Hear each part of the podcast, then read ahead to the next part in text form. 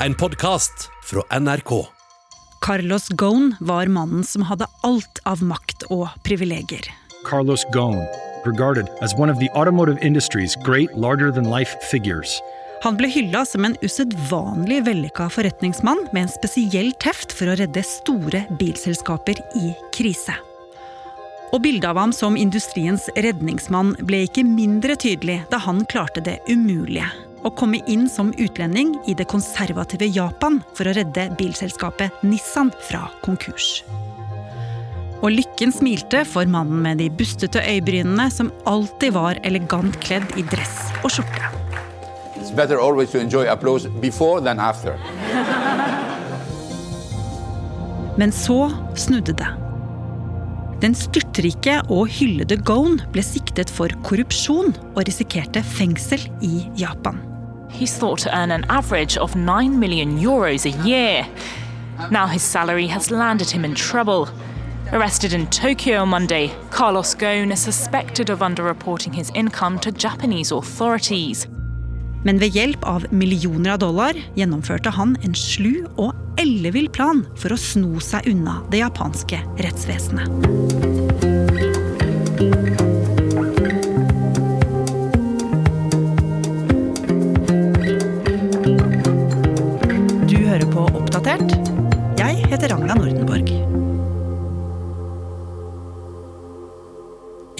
Av juni startet en uvanlig rettssak i Tokyo i Japan.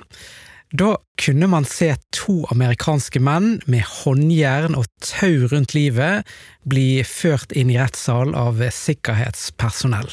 Og dette her var jo Michael Taylor, en 67 år gammel veltrent tidligere elitesoldat, og sønnen hans da, Peter Taylor, en 27-åring med kort, brunt hår. Dang Trind er journalist i Oppdatert, og har også bodd i Japan. Og disse to er jo nå siktet i Japan for å ha hjulpet den tidligere Nissan-sjefen Carlos Ghosn med å rømme fra landet. Og saken den har fått enorm oppmerksomhet, ikke bare i Japan, men også internasjonalt. Og blir disse amerikanerne dømt, risikerer de tre års fengsel. Men hovedpersonen selv, Dang, Carlos Ghosn, han var jo ikke til stede i rettssalen. Han er jo nemlig i Libanon, der han forsøker å holde Interpol unna. Ja, og det er jo egentlig ikke så rart, for han har jo stukket fra japanske myndigheter på en så ellevill måte at man nesten ikke kan tro det. Ja. I 1999 fikk Carlos Ghosn, som var kjent som en dyktig forretningsmann i bilindustrien, et spennende jobbtilbud. Japanske Nissan slet. Selskapet var gjeldstynget, og salget av biler det gikk ikke så bra. Så ledelsen hadde sett seg ut Ghosn som redningsmann, siden han hadde gjort det så bra med den franske bilfabrikanten Renault. Og de ville at Carlos Ghosn skulle komme over til Japan og redde selskapet. Men de hadde aldri hatt en utenlandsk leder i selskapet, og det var ganske uvanlig i Japan på den tiden, så det var nok mange både i selskapet og utenfor som var ganske skeptiske. Ja, hvorfor det? Altså, Sammenlignet med mange andre industrialiserte land, er det ikke mange utlendinger i Japan, og japanerne de er ekstremt glad i sine tradisjoner og regler, spesielt i arbeidslivet. Der kan det være ganske formelt, og det er mange uskrevne regler og strengt hierarki. Og hvis du i tillegg da kommer fra utlandet og skal snu opp ned på masse i et tradisjonstungt og stort selskap, så er ikke det nødvendigvis så populært. Nei. Men Ghosn han lyktes jo mot alle odds. Han fikk ned kostnadene, effektiviserte produksjonen og lanserte nye bilmodeller. Og ledelsen og investorene de jublet. Og Ghosn han skal jo rett og slett ha blitt kalt for eh, Le Costkiller Ja. av alle disse folka. Og Nissa begynte å tjene penger igjen. とても気分がいいしねポイントが高いですほ興奮しました日産リーフ I'm proud that Nissan Leaf is the first electric car to be honored as the European Car of the Year, and I'm sure that it won't be the last. Men det stoppa jo ikke der. I 2002 så ble han kåret til Asia Businessman of the Year av det amerikanske forretningsmagasinet Fortune. Og Gone ble også en slags kjendis i Japan og i forretningsverden da. Og nå blir han bare kalt Mr. Fix-It. Ja. Men så dang, så skulle det jo snu. Ja, for i november 2018 skjedde det noe som skulle ryste mange japanere og folk i bilindustrien verden over. Nissan is moving forward with stripping Carlos Ghosn of almost all power he had within the company. Da ble Carlos Ghosn til alles store sjokk arrestert, siktet for bl.a. økonomisk kriminalitet. Hm. Nissan mente Ghosn var involvert i korrupsjon, og at han i tillegg hadde stjålet selskapets penger. Og alt dette nektet Gone Ghosn for, men fallet, det var høyt. Nissan has officially fired its chairman and former chief executive Carlos Ghosn. Ghosn was axed after he was arrested over alleged financial crimes. Carlos Ghosn was arguably the mastermind behind the Renault Nissan Mitsubishi alliance. Now he's been arrested, questions are swirling over whether the group can survive without him. Nå gikk altså Carlos Ghosn fra å nærmest være en folkehelt i Japan, utlendingen som reddet Nissan og den internasjonale bilbransjen, til å bli satt i varetekt og stemplet av myndighetene som forbryter. Og det ble jo et brutalt møte med det japanske rettssystemet. Han ble utsatt for mange timer med avhør og over 100 dager i isolasjon. Men eh, til slutt ble han sluppet fri mot eh, kausjon. Prislappen nesten 90 millioner norske kroner. A first win for Carlos Ghosn's new defense team. His lawyer welcomed the court's decision to grant him bail after voluntarily setting out strict conditions. Og betingelsene var harde. Det må ha vært en utrolig stor overgang for eh, Gone. Han var jo vant til et privilegert liv, sant. Og nå fikk han ikke forlate Japan, og politiet konfiskerte identifikasjonspapirene hans. Hvis han ville reise innad i Japan, måtte turer som varte i mer enn tre dager, bli godkjent av retten. I tillegg måtte Gone skrive en logg over alle han møtte, og det var også strenge regler for telefon- og internettbruk. Og ikke bare det. Japansk politi mente det var en reell fare for at han kunne stikke av, for dette var jo en mann som hadde ressurser til det. sant? Han hadde jo også tre ulike pass. Gorn var oppvokst i et internasjonalt miljø. Han var uh, født i Brasil, oppvokst i Libanon, og han hadde jobbet i Frankrike. Mm. Så japansk politi satte spanere som fulgte med han 24 timer i døgnet. Og de hadde satt opp et kamera som filmet inngangsdøren hans. De var fast bestemt på å ikke la han slippe unna. Men det var ikke godt nok. For i slutten av desember 2019 så fikk japanske myndigheter et stort sjokk. I en tid på året når de fleste japanere tar seg en pust i bakken og nesten hele landet stenger ned for å feire nyttår, tikket det 31.12. inn en internasjonal pressemelding til landets nyhetshus. Avsender var Carlos Ghosn. Han kunngjorde at han hadde rømt fra et urettferdig rettssystem i Japan, og at han nå var i Libanon. Og noen dager etterpå 8. januar holdt han en pressekonferanse. I'm here to clear my name and to pronounce clearly and emphatically something that was interpreted as a heresy in the Japanese judicial system. These allegations are untrue, and I should have never been arrested in the first place. Og Carlos Ghosns flukt slo jo ned som et jordskjelv i Japan. Og Dang, hvordan ble denne nyheten mottatt? Altså, japanske myndigheter ble tatt fullstendig på sengen, Ragna. Ikke bare hadde Gone klart å komme seg ut av Japan, hvor han var siktet for korrupsjon og underslag, men han hadde klart å rømme til Libanon, et land som ikke har en utleveringsavtale med Japan. Dette her var en internasjonal ydmykelse. Hm. Og etterforskerne de kastet seg over saken, og ganske raskt begynte det å danne seg et bilde.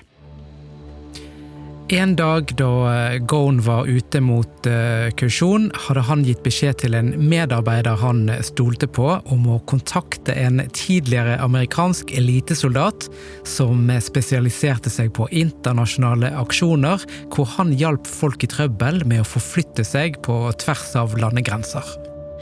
Og det her er jo da denne mannen som nå står tiltalt i en rettssal i Japan, nemlig Michael Taylor og sønnen hans Peter. Ja.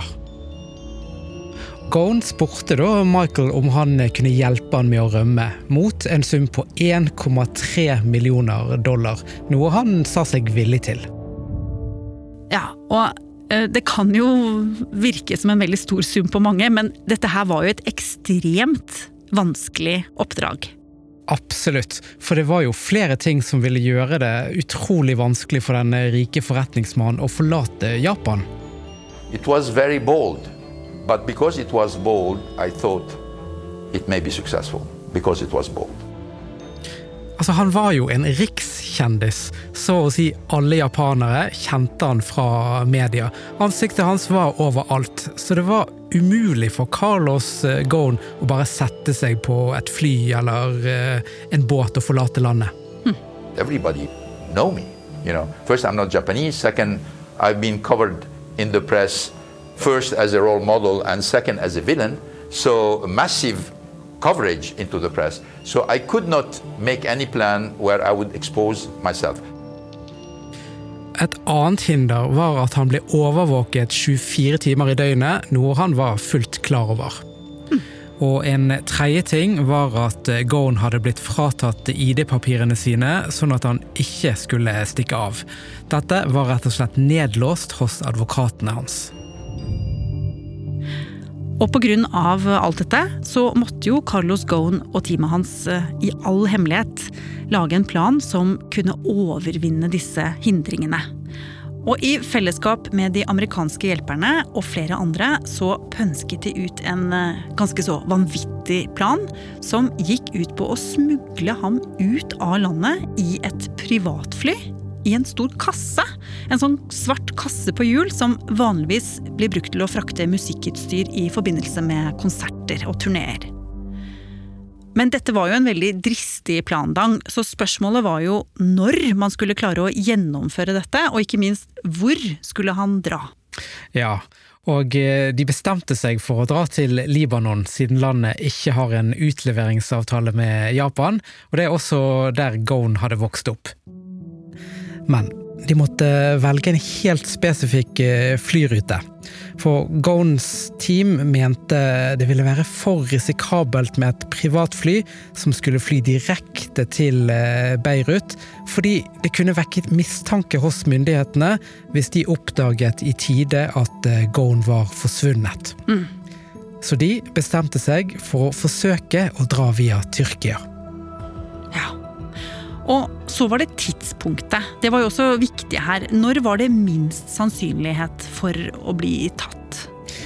Jo, dette var jo også kjempeviktig, sant? for etter måneder med planlegging kom Gone og hans team fram til at det beste var å gjennomføre alt ved japansk nyttår, den viktigste høytiden i landet, og da offentlige kontorer tar ferie.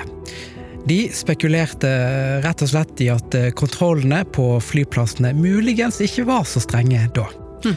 Og i researchen så fant de ut en annen veldig viktig ting, Ragna. Det var at eh, sikkerheten var relativt lav på eh, Kansai-flyplassen nær Osaka, sammenlignet med andre flyplasser. Den delen av flyplassen som hadde privatflytrafikk, hadde en liten bagasjeskanner. Dvs. Si at kassen de ville smugle Gone ut i, ville være for stor for skanneren. De måtte bare håpe at den ikke ville bli sjekket manuelt av sikkerhetspersonalet. Ok, så de hadde altså funnet en måte å flykte på, Men helt vanntett virket jo ikke dette opplegget egentlig, Dang. For det er jo ikke bare det at de måtte komme seg gjennom sikkerhetskontrollen usett, han ble jo også passet på absolutt hele tiden. Men de tok jo sjansen. Ja. En kjølig vinterdag 29. desember kom dagen. Politiets sikkerhetskamera fanget opp at Carlos Ghosn forlot huset sitt i Tokyo. Han hadde på seg en hatt og en sånn ansiktsmaske, som ikke var en uvanlig ting å bruke i Japan, også før covid-19-pandemien. Mm -hmm. Gone kom seg til en av de travleste stasjonene i Tokyo, Shinagawa-stasjonen øst i byen. Der tok han et Shinkansen lyntog rundt klokken halv fem og gikk av i Osaka. Her skal han ha møtt to hjelpere. To menn som skal ha tatt drosje med han til et hotell. Og det er her på dette hotellet man tror den mest spektakulære delen av planen skjedde. Gone skal ha lagt seg i den svarte kassen med pustehull boret ut i bunnen. Lokket ble lukket igjen, og kassen trillet ut av hotellet. Det var et overvåkingskamera som filmet de to mennene da de forlot hotellet med to store kasser. Den ene mannen kunne passe beskrivelsen av en tidligere elitesoldat. Ghosn derimot var ikke å se. Og for de som måtte følge med på de kornete overvåkingsbildene, kunne det like gjerne vært to arbeidere som fraktet utstyr. Mm. Turen gikk så til Kansai-flyplassen, hvor et privatfly ventet. Og nå må det ha vært utrolig nervepirrende for Gone, som skal ha ligget sammenklemt inne i denne store, svarte kassen. Og de rullet fram til sjekkpunktet og vaktene. Nå gjaldt det. Og teamet bak rømningsplanen hadde jo tenkt riktig. Kassen var for stor for bagasjeskanneren, og den ble vinket forbi av sikkerhetspersonalet og lastet inn på flyet. Rett under nesa på japanske myndigheter. Ja.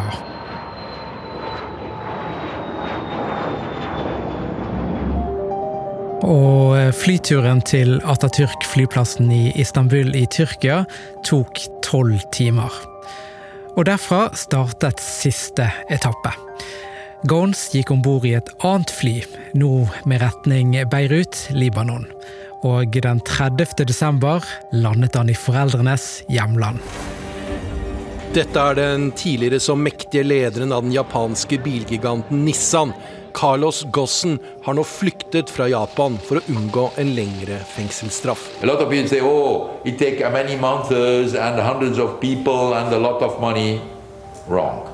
Uh, it was fast planning, fast acting, and oh, thanks God, uh, fast uh, liberation. Dagen etter, 31. desember, kom pressemeldingen hvor Ghosn kunngjorde for hele verden at han var en fri mann i Libanon. Og at han der var blitt mottatt som en helt. Faktisk hang det en enorm plakat i Beirut som viste et stort portrett av Ghosn og teksten We are all Carlos Ghosn. Det var ikke tvil hvem mange libanesere holdt med. Men er det noe håp for japanske myndigheter om å få ham utlevert? Altså, Det skjer nok ikke med det første, for dette her har jo blitt en absurd katt og mus-lek, hvor 67-åringen har brukt sine privilegier og kontakter og tråkket et slags frikort, sant? for han er trygg i Libanon fordi japanerne ikke kan bruke internasjonal lov til å få han utlevert. Men det er mer, for det viser seg at det er jo ikke bare japanerne som vil ha tak i Ghosn. Ja, franske myndigheter går han i sømmene nå, for Ghosn er under etterforskning i Frankrike for økonomisk kriminalitet. Men det er viktig å si at Gone sjøl nekter for dette, og han bestrider også det han er siktet for i Japan. Han sier han rømte fordi han fryktet at han ikke ville få en rettferdig rettssak. Hm. Og på en måte kan du si at han er i et nytt fengsel, for han er etterlyst via Interpol av japanske myndigheter. Hvis han forlater Libanon, er han ikke trygg, for vi kan være sikre på at Japan følger med, og vil gå ganske langt for å få han eh, utlevert.